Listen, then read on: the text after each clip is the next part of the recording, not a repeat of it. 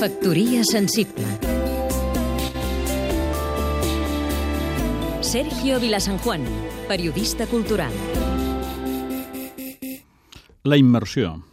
Immersió! cridava cada dos per tres l'almirall Nelson en la sèrie televisiva dels anys 60 Viaje al fondo del mar.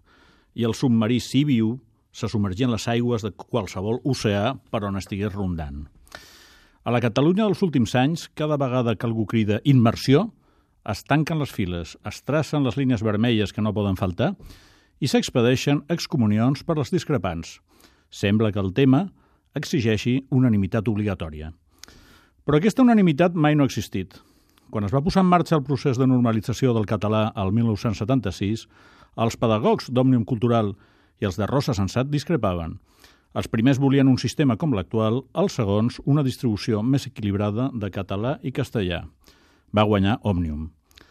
En l'actualitat, juntament amb pares i professors que defensen el sistema, altres desitjaríem un augment d'hores de classe en castellà, avui pràcticament equiparat a una llengua estrangera, la qual cosa simbòlicament equival a un menyspreu. També seria bo incrementar l'anglès, i això pot fer-se mantenint el català com a llengua preferent. És perfectament factible, però cal discutir-ho. La discussió permanent sobre el sistema educatiu és obligada en una societat democràtica. No hi ha línies vermelles ni unanimitats que valguin. Quan parlem d'immersió, no podem refugiar-nos en un submarí. Cal sortir al mar obert de la societat del segle XXI.